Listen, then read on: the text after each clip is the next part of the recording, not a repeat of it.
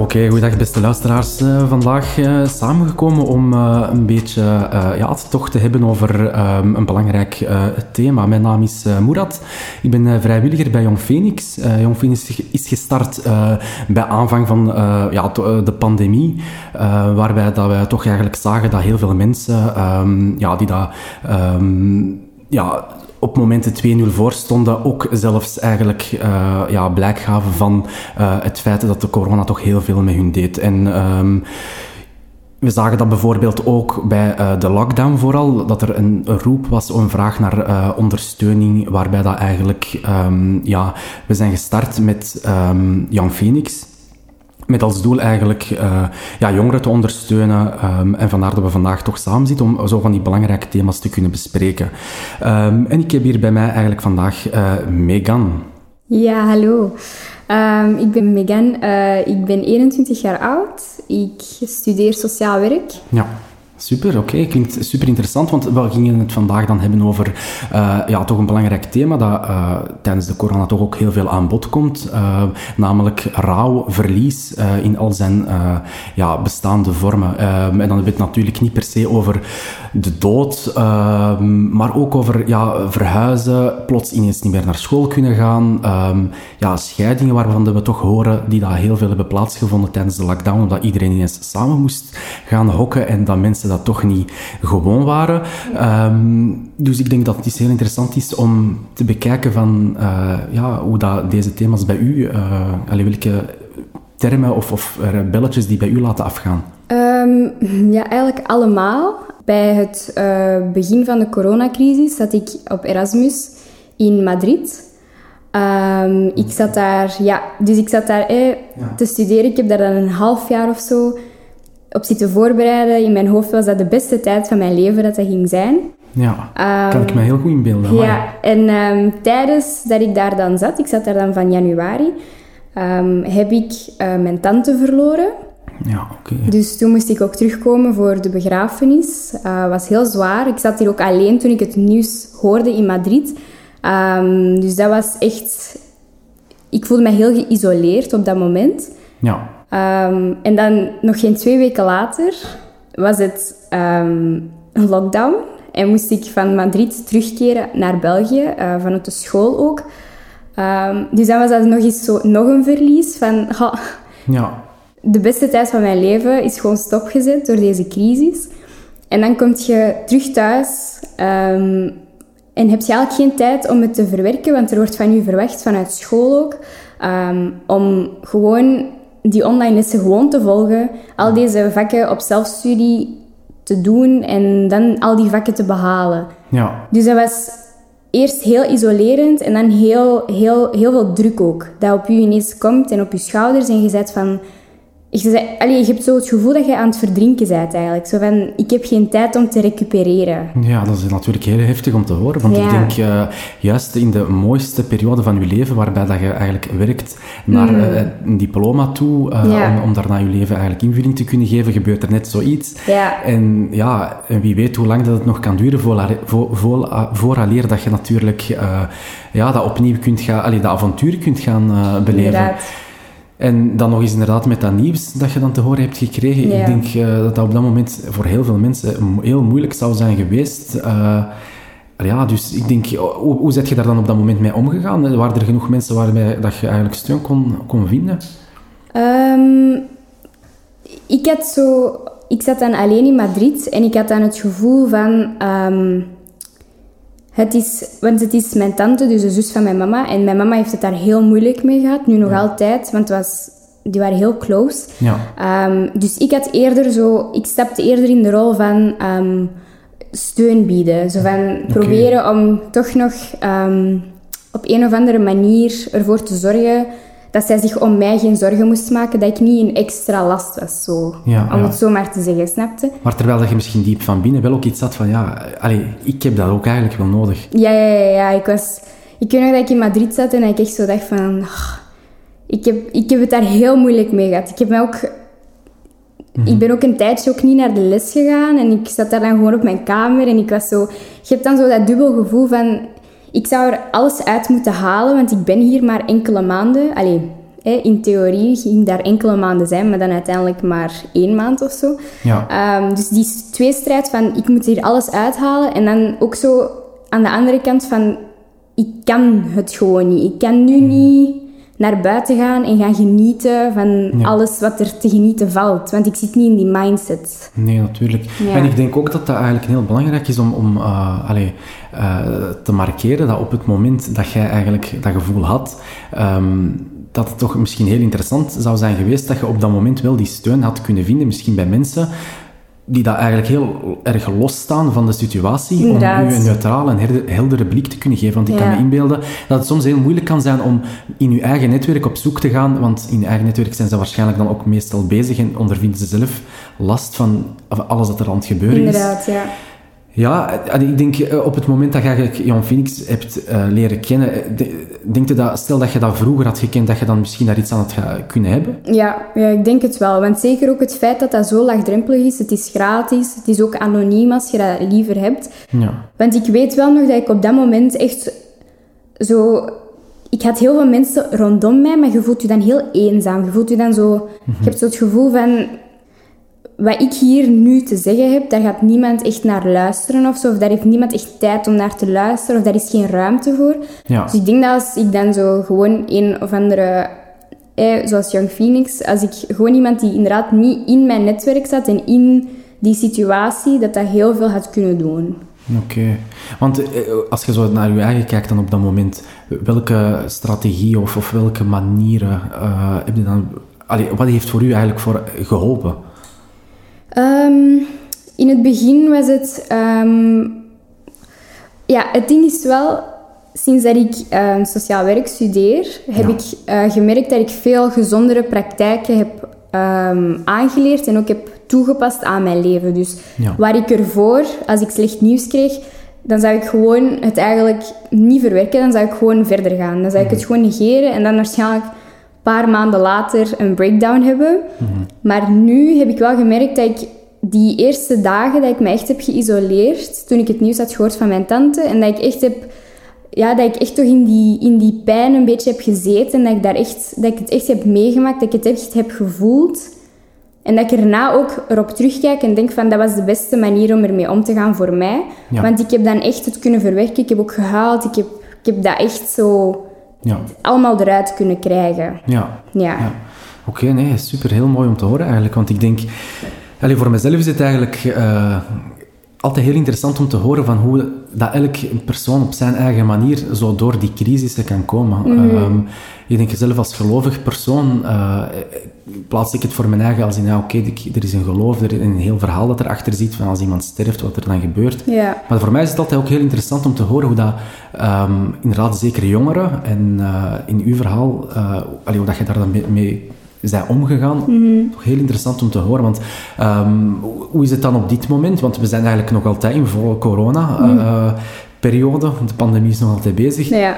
Hoe is het op dit moment? Zijn er al vooruitzichten? Kunnen we nou, binnenkort teruggaan naar Madrid? Eh, Nee, Madrid is, ehm, dat is een gesloten hoofdstuk.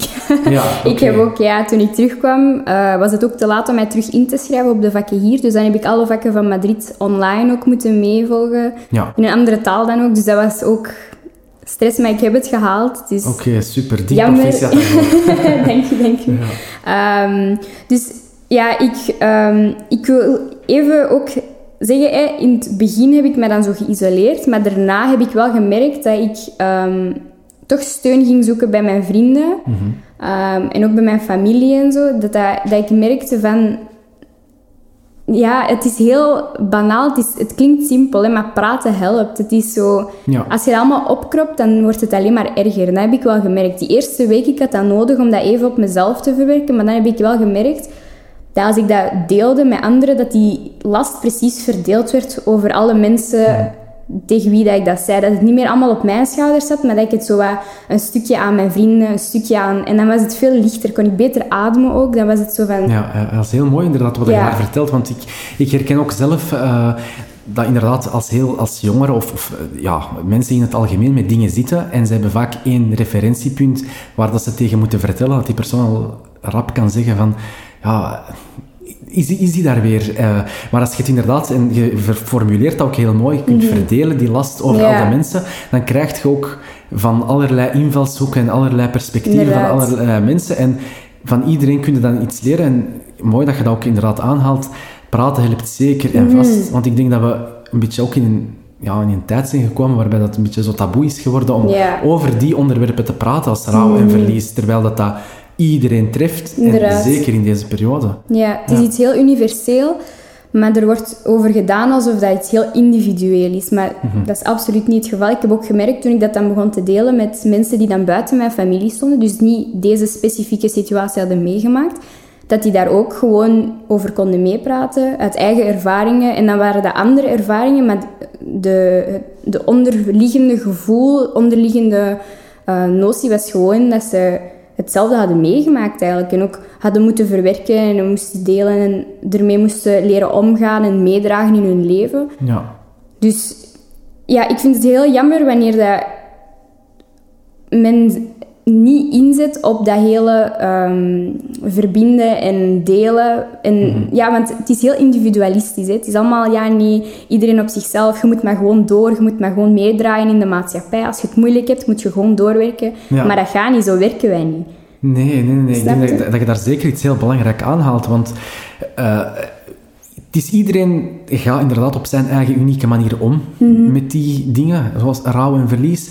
Maar het is gewoon iets dat aanwezig is en wij kunnen onze, onze natuur daarin niet ontkennen.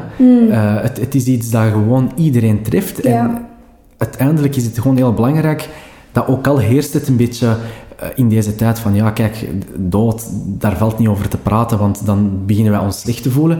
Ik denk juist als je je op die manier dusdanig kunt voorbereiden op die dingen, dat je weet van oké, mocht het gebeuren, want ja, iedereen heeft natuurlijk zijn vastgestelde tijdstip, Inderdaad. dat je inderdaad wel iets hebt van oké, ik heb wel een kleine bagage om er een, be- een beetje mee om te kunnen omgaan. Want ik denk, als het dan zo ver is, Inderdaad. en jij moet je dan pas eigenlijk gaan wapenen op iets dat al eigenlijk is gebeurd, dan ja, is het meestal gewoon dweilen met de kraan open. Inderdaad, ja. Dat is inderdaad wel met de kraan open. Dat was ook de eerste keer dat ik ehm, zo dicht in mijn familie iemand ben verloren. Ja, Dus inderdaad, wat je nu zegt, dat is helemaal waar. Ik, dat was, als ik mijn studie van sociaal werk en zo die voorkennis niet had gehad, Ja. dan, dan was het veel moeilijker geweest. Daar ben ik zeker van. ja. Ja. En ik denk wat dat ook een heel belangrijke daarin is, en wat mensen ook wel onderschatten, is de lange termijn effecten. Want het is niet zo dat als het is gebeurd, dat het binnen twee of drie of vier maanden erop zit. Nee. dat draagt je mee voor de rest van je leven. En ik denk ehm, dat inderdaad, als er mensen zijn in je omgeving waarbij dat je dan er soms toch weet van oké, bij die mensen kan ik terecht om erop terug te komen, want het is een, een wonde en, en het laat een litteken achter om toch, ook al is het jaren geleden gebeurd, dat je erop op kunt terugvallen, op die mensen, dat dat gewoon heel belangrijk is. Want ik kan me inbeelden, Ah ja, ik heb het, elke mens maakt wel verlies, verliezen mee. En zoals dat er iemand sterft of dat er dingen gebeuren. En ik, ik heb het ook soms... Allee, ik kan mij echt wel... ehm, ik kan mij mee inbeelden van dat er na een bepaalde tijd, dat je het daar toch nog eens wi- wilt over hebben. Dat eh, die nazorg, dat dat heel belangrijk is. Dus ik weet niet hoe dat jij daar tegenover staat. Ehm, ja, je hebt gelijk. Ik zie het eerder zo... Kun je en vloed? Ja. Ja, hè, ik zie het meer zo dat zo... Dat komt en dat gaat. Ja. Dus het is vaak hè, bijvoorbeeld... ehm, als er bijvoorbeeld een verjaardag of zo aankomt, of ehm, als ik bijvoorbeeld terugdenk aan, ehm, of terug ga kijken naar foto's van in Madrid en zo, want ik heb het nu over allebei, hè, die verliezen, Ja. Dan merk ik wel dat dat met momenten zo even terugkomt, dat ik zo Ja. terug in een diepje zit van, oh, waarom moest dat gebeuren?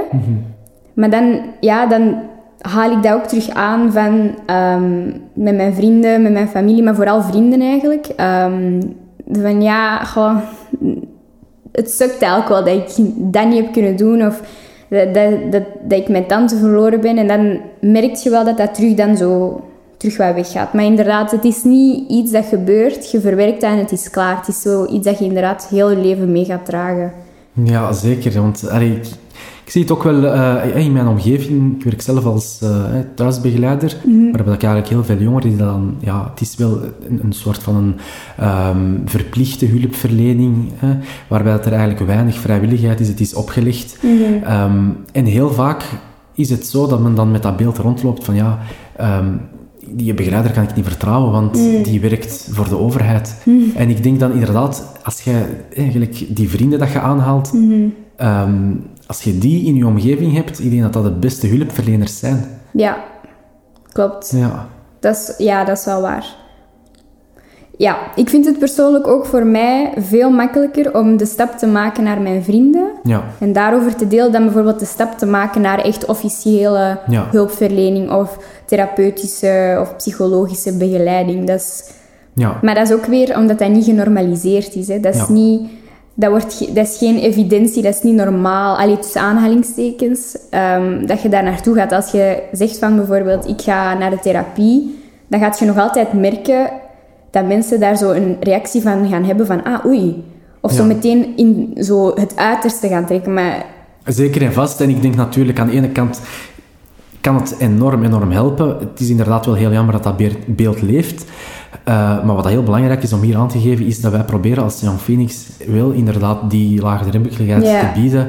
Zodat eigenlijk, ja... ehm, het is natuurlijk wel heel moeilijk, want het, het, blijft, het blijft natuurlijk wel...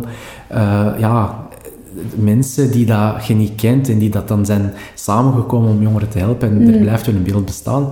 Um, maar ik denk dat dat inderdaad heel belangrijk is om, om, om mee te geven dat ja, hoe laagdrempeliger en inderdaad als het een vriend kan zijn die dat je mee uh, kan helpen door die periode, dat dat wel een, een, ja, een geschenk uit de hemel is. Inderdaad, een geschenk uit de hemel. Ja, nee, nee, dat is wel waar. Maar nadat ik hier dan terugkwam, Ja. um, dan was het... Want in Madrid was het heel snel gegaan. Ik weet nog, um, dat was een van de plekken met een van de meeste gevallen ook. Ja, En ik weet nog dat wij maandag, denk ik, um, te horen kregen dat de scholen gingen sluiten. En natuurlijk, hè, wij allemaal van, oh chill, we hebben hier vakantie, we gaan gewoon naar het park gaan, chillen. En het begon zo wel wat binnen te stromen van coronavirus, maar we waren zo van, die zijn aan het overdrijven en die moeten dat serieus, niet zo serieus nemen. Maar we waren vooral blij van, ah, extra vakantie. ja, En dan was het eigenlijk woensdag dat er dan heel veel paniek werd gekocht hè, van wc-papier. Dat was ook daar aan de hang. En je zag dan mensen rondlopen met zo echt winkelkarren vol en Ja. met zo keiveel water, keiveel melk, wc-papier, bloemen en zo. En dan begonnen wij, begon dat zo'n beetje door te dringen van, ah, het is misschien serieuzer dan wij dachten. En dan krijgen we op vrijdag een telefoontje van school. Ja, jullie moeten nu terugkeren. En dan was dat zo van, oh, shit just got real. ja, Dus dat was, dan kom je terug in lockdown, want toen was de lockdown al begonnen ook hier. Allee, ging die beginnen. En dan is dat zo ineens, dan kom je zo in een crisissituatie, maar zo'n constante crisissituatie. Want eigenlijk zitten wij daar nu nog altijd in. ja. Dus dat is zo heel tijd... Ik heb heel vaak nu het gevoel dat ik zo rondkijk en zo denk van, maar wat is er eigenlijk aan de hand? Ja. dat je zo echt zo denkt van, ik, heb, ik begrijp echt niet wat er aan de hand is. Nee, ik denk dat inderdaad heel veel mensen met dat gevoel zitten. Ja. Van, van jong tot oud. Ik denk... eh, allee, zelf keek ik zo'n tijdje naar eh, die, die zombie-series en dan denk je van... Ja. eh, ja, Zo apocalyptische, ja, ja, ja. En dat kwam zo allemaal meer en meer eh, op televisie en dat je dacht van... eh amai, dat moet toch maar eens een keertje gaan gebeuren. Inderdaad. En inderdaad, allee, ja, een maand of een paar maanden later was het Mm. inderdaad dat mensen eh, wc-papier gingen inslagen. wat ja. super vreemd is en wat dat ook inderdaad heel hard wijst op een hele grote angst. Want Ja. Het is gewoon een angst dat bij mensen leeft. Inderdaad. Van wat, wat moet ik doen als... Allee, ja, ikke, ikke, ikke. En, eh, Ja, de rest dat is dat stikken. overlevingsinstinct, Ja. hè, van ik moet het wel halen, dus ik ga hier altijd wc-papier opkopen. Ja, en wat dat ook heel beangstigend is, want als je ziet hoe dat mensen zouden vechten voor, alleen in de winkel voor een, een pak bloem, Ja, en dat je denkt van, dit, is, dit zijn juist de tijden waarin dat we er voor elkaar moeten zijn. ja, Wat dat heel verontrustend is natuurlijk. heel. Ja, ja, ja. Het maakt het natuurlijk niet makkelijker op als ik natuurlijk naar uw verhalen luister en ik denk dat heel veel mensen allee, je ook verhaal zullen hebben, dat je je studie niet op een mooie manier hebt kunnen afronden. Allee, of op, toch niet op de manier dat je wou. Eh, dan nog eens dat verlies erbij en dingen dat je eigenlijk heel moeilijk kunt plaatsen. Inderdaad. Maar ik denk dat dat misschien heel mooi is om mee af te sluiten. Van, eh, hoe kunnen wij bijdragen aan een positieve evolutie in deze hele moeilijke periode? Ehm, en feedback blijven geven aan elkaar, hè, want zo blijven we leren. Ja. Ja. Is dat een vraag naar mij toe? Ja, Of is denk- gewoon naar de luisteraar? Ja, dat is de luisteraar, maar ook, je kunt daar zeker op inpikken. Hè. Ik denk, allee, hoe, hoe, hoe, hoe gaat jij daarmee om als ik zo zeg van, ja, we- we- heel belangrijk om naar onszelf te zien en kijken van hoe kunnen we de anderen verbeteren door eh, ja, de feedback die we kunnen geven aan elkaar. Ehm, ik denk dat we in deze tijden, dat het heel belangrijk is om te blijven in gedachten te houden dat je niet weet wat er in, in ander zijn leven speelt. Je kunt Ja. geen verwachtingen gaan opleggen, ehm, geen hoge verwachtingen gaan opleggen bij anderen als je niet weet wat daar aan de hand is. Ehm, heel veel mensen hebben nu te kampen met ziekte, met, met werkloosheid ook heel veel, met, met zorgen ook, kosten, al die zaken. Dus om dan continu ook nog eens extra werk te krijgen van alle verschillende kanalen, dat kun je niet blijven doen. Je moet gewoon ja, in gedachten houden dat werk of school niet het enige is dat er in een, iemand zijn leven omgaat. Ja, ja, ja nee, nee, zeker begrijpelijk. Eh, en ik denk dat het heel mooi is hè, om, om, om dat in ons achterhoofd te houden, dat we zeker in deze tijd met, ja, eh, heel zacht met elkaar omgaan en eh, dat we elkaar niet op stang jagen. En eh ineens een mooi punt om mee af te sluiten, denk ik. Ik vond het heel aangenaam om dit gesprek te hebben en Ja, bedankt voor uw aanwezigheid. Denk je om mij te uit te nodigen? Ja, super. Oké, beste luisteraars, dit was een eh, super interessant gesprek. Ehm, ik denk dat het heel belangrijk is om aan te geven dat als jullie ook eh, iets willen toevoegen of een bedenking hebben, dat dat altijd welkom is. Wij zijn te bereiken op het nummer eh 0489 48 01 57. Eh, je kunt ook altijd een berichtje achterlaten op dit nummer of via Instagram of Facebook van Young Phoenix is natuurlijk ook altijd mogelijk. We zijn eh, elke dag te bereiken eh 7 op 7 en bij deze dank ik jullie voor jullie tijd.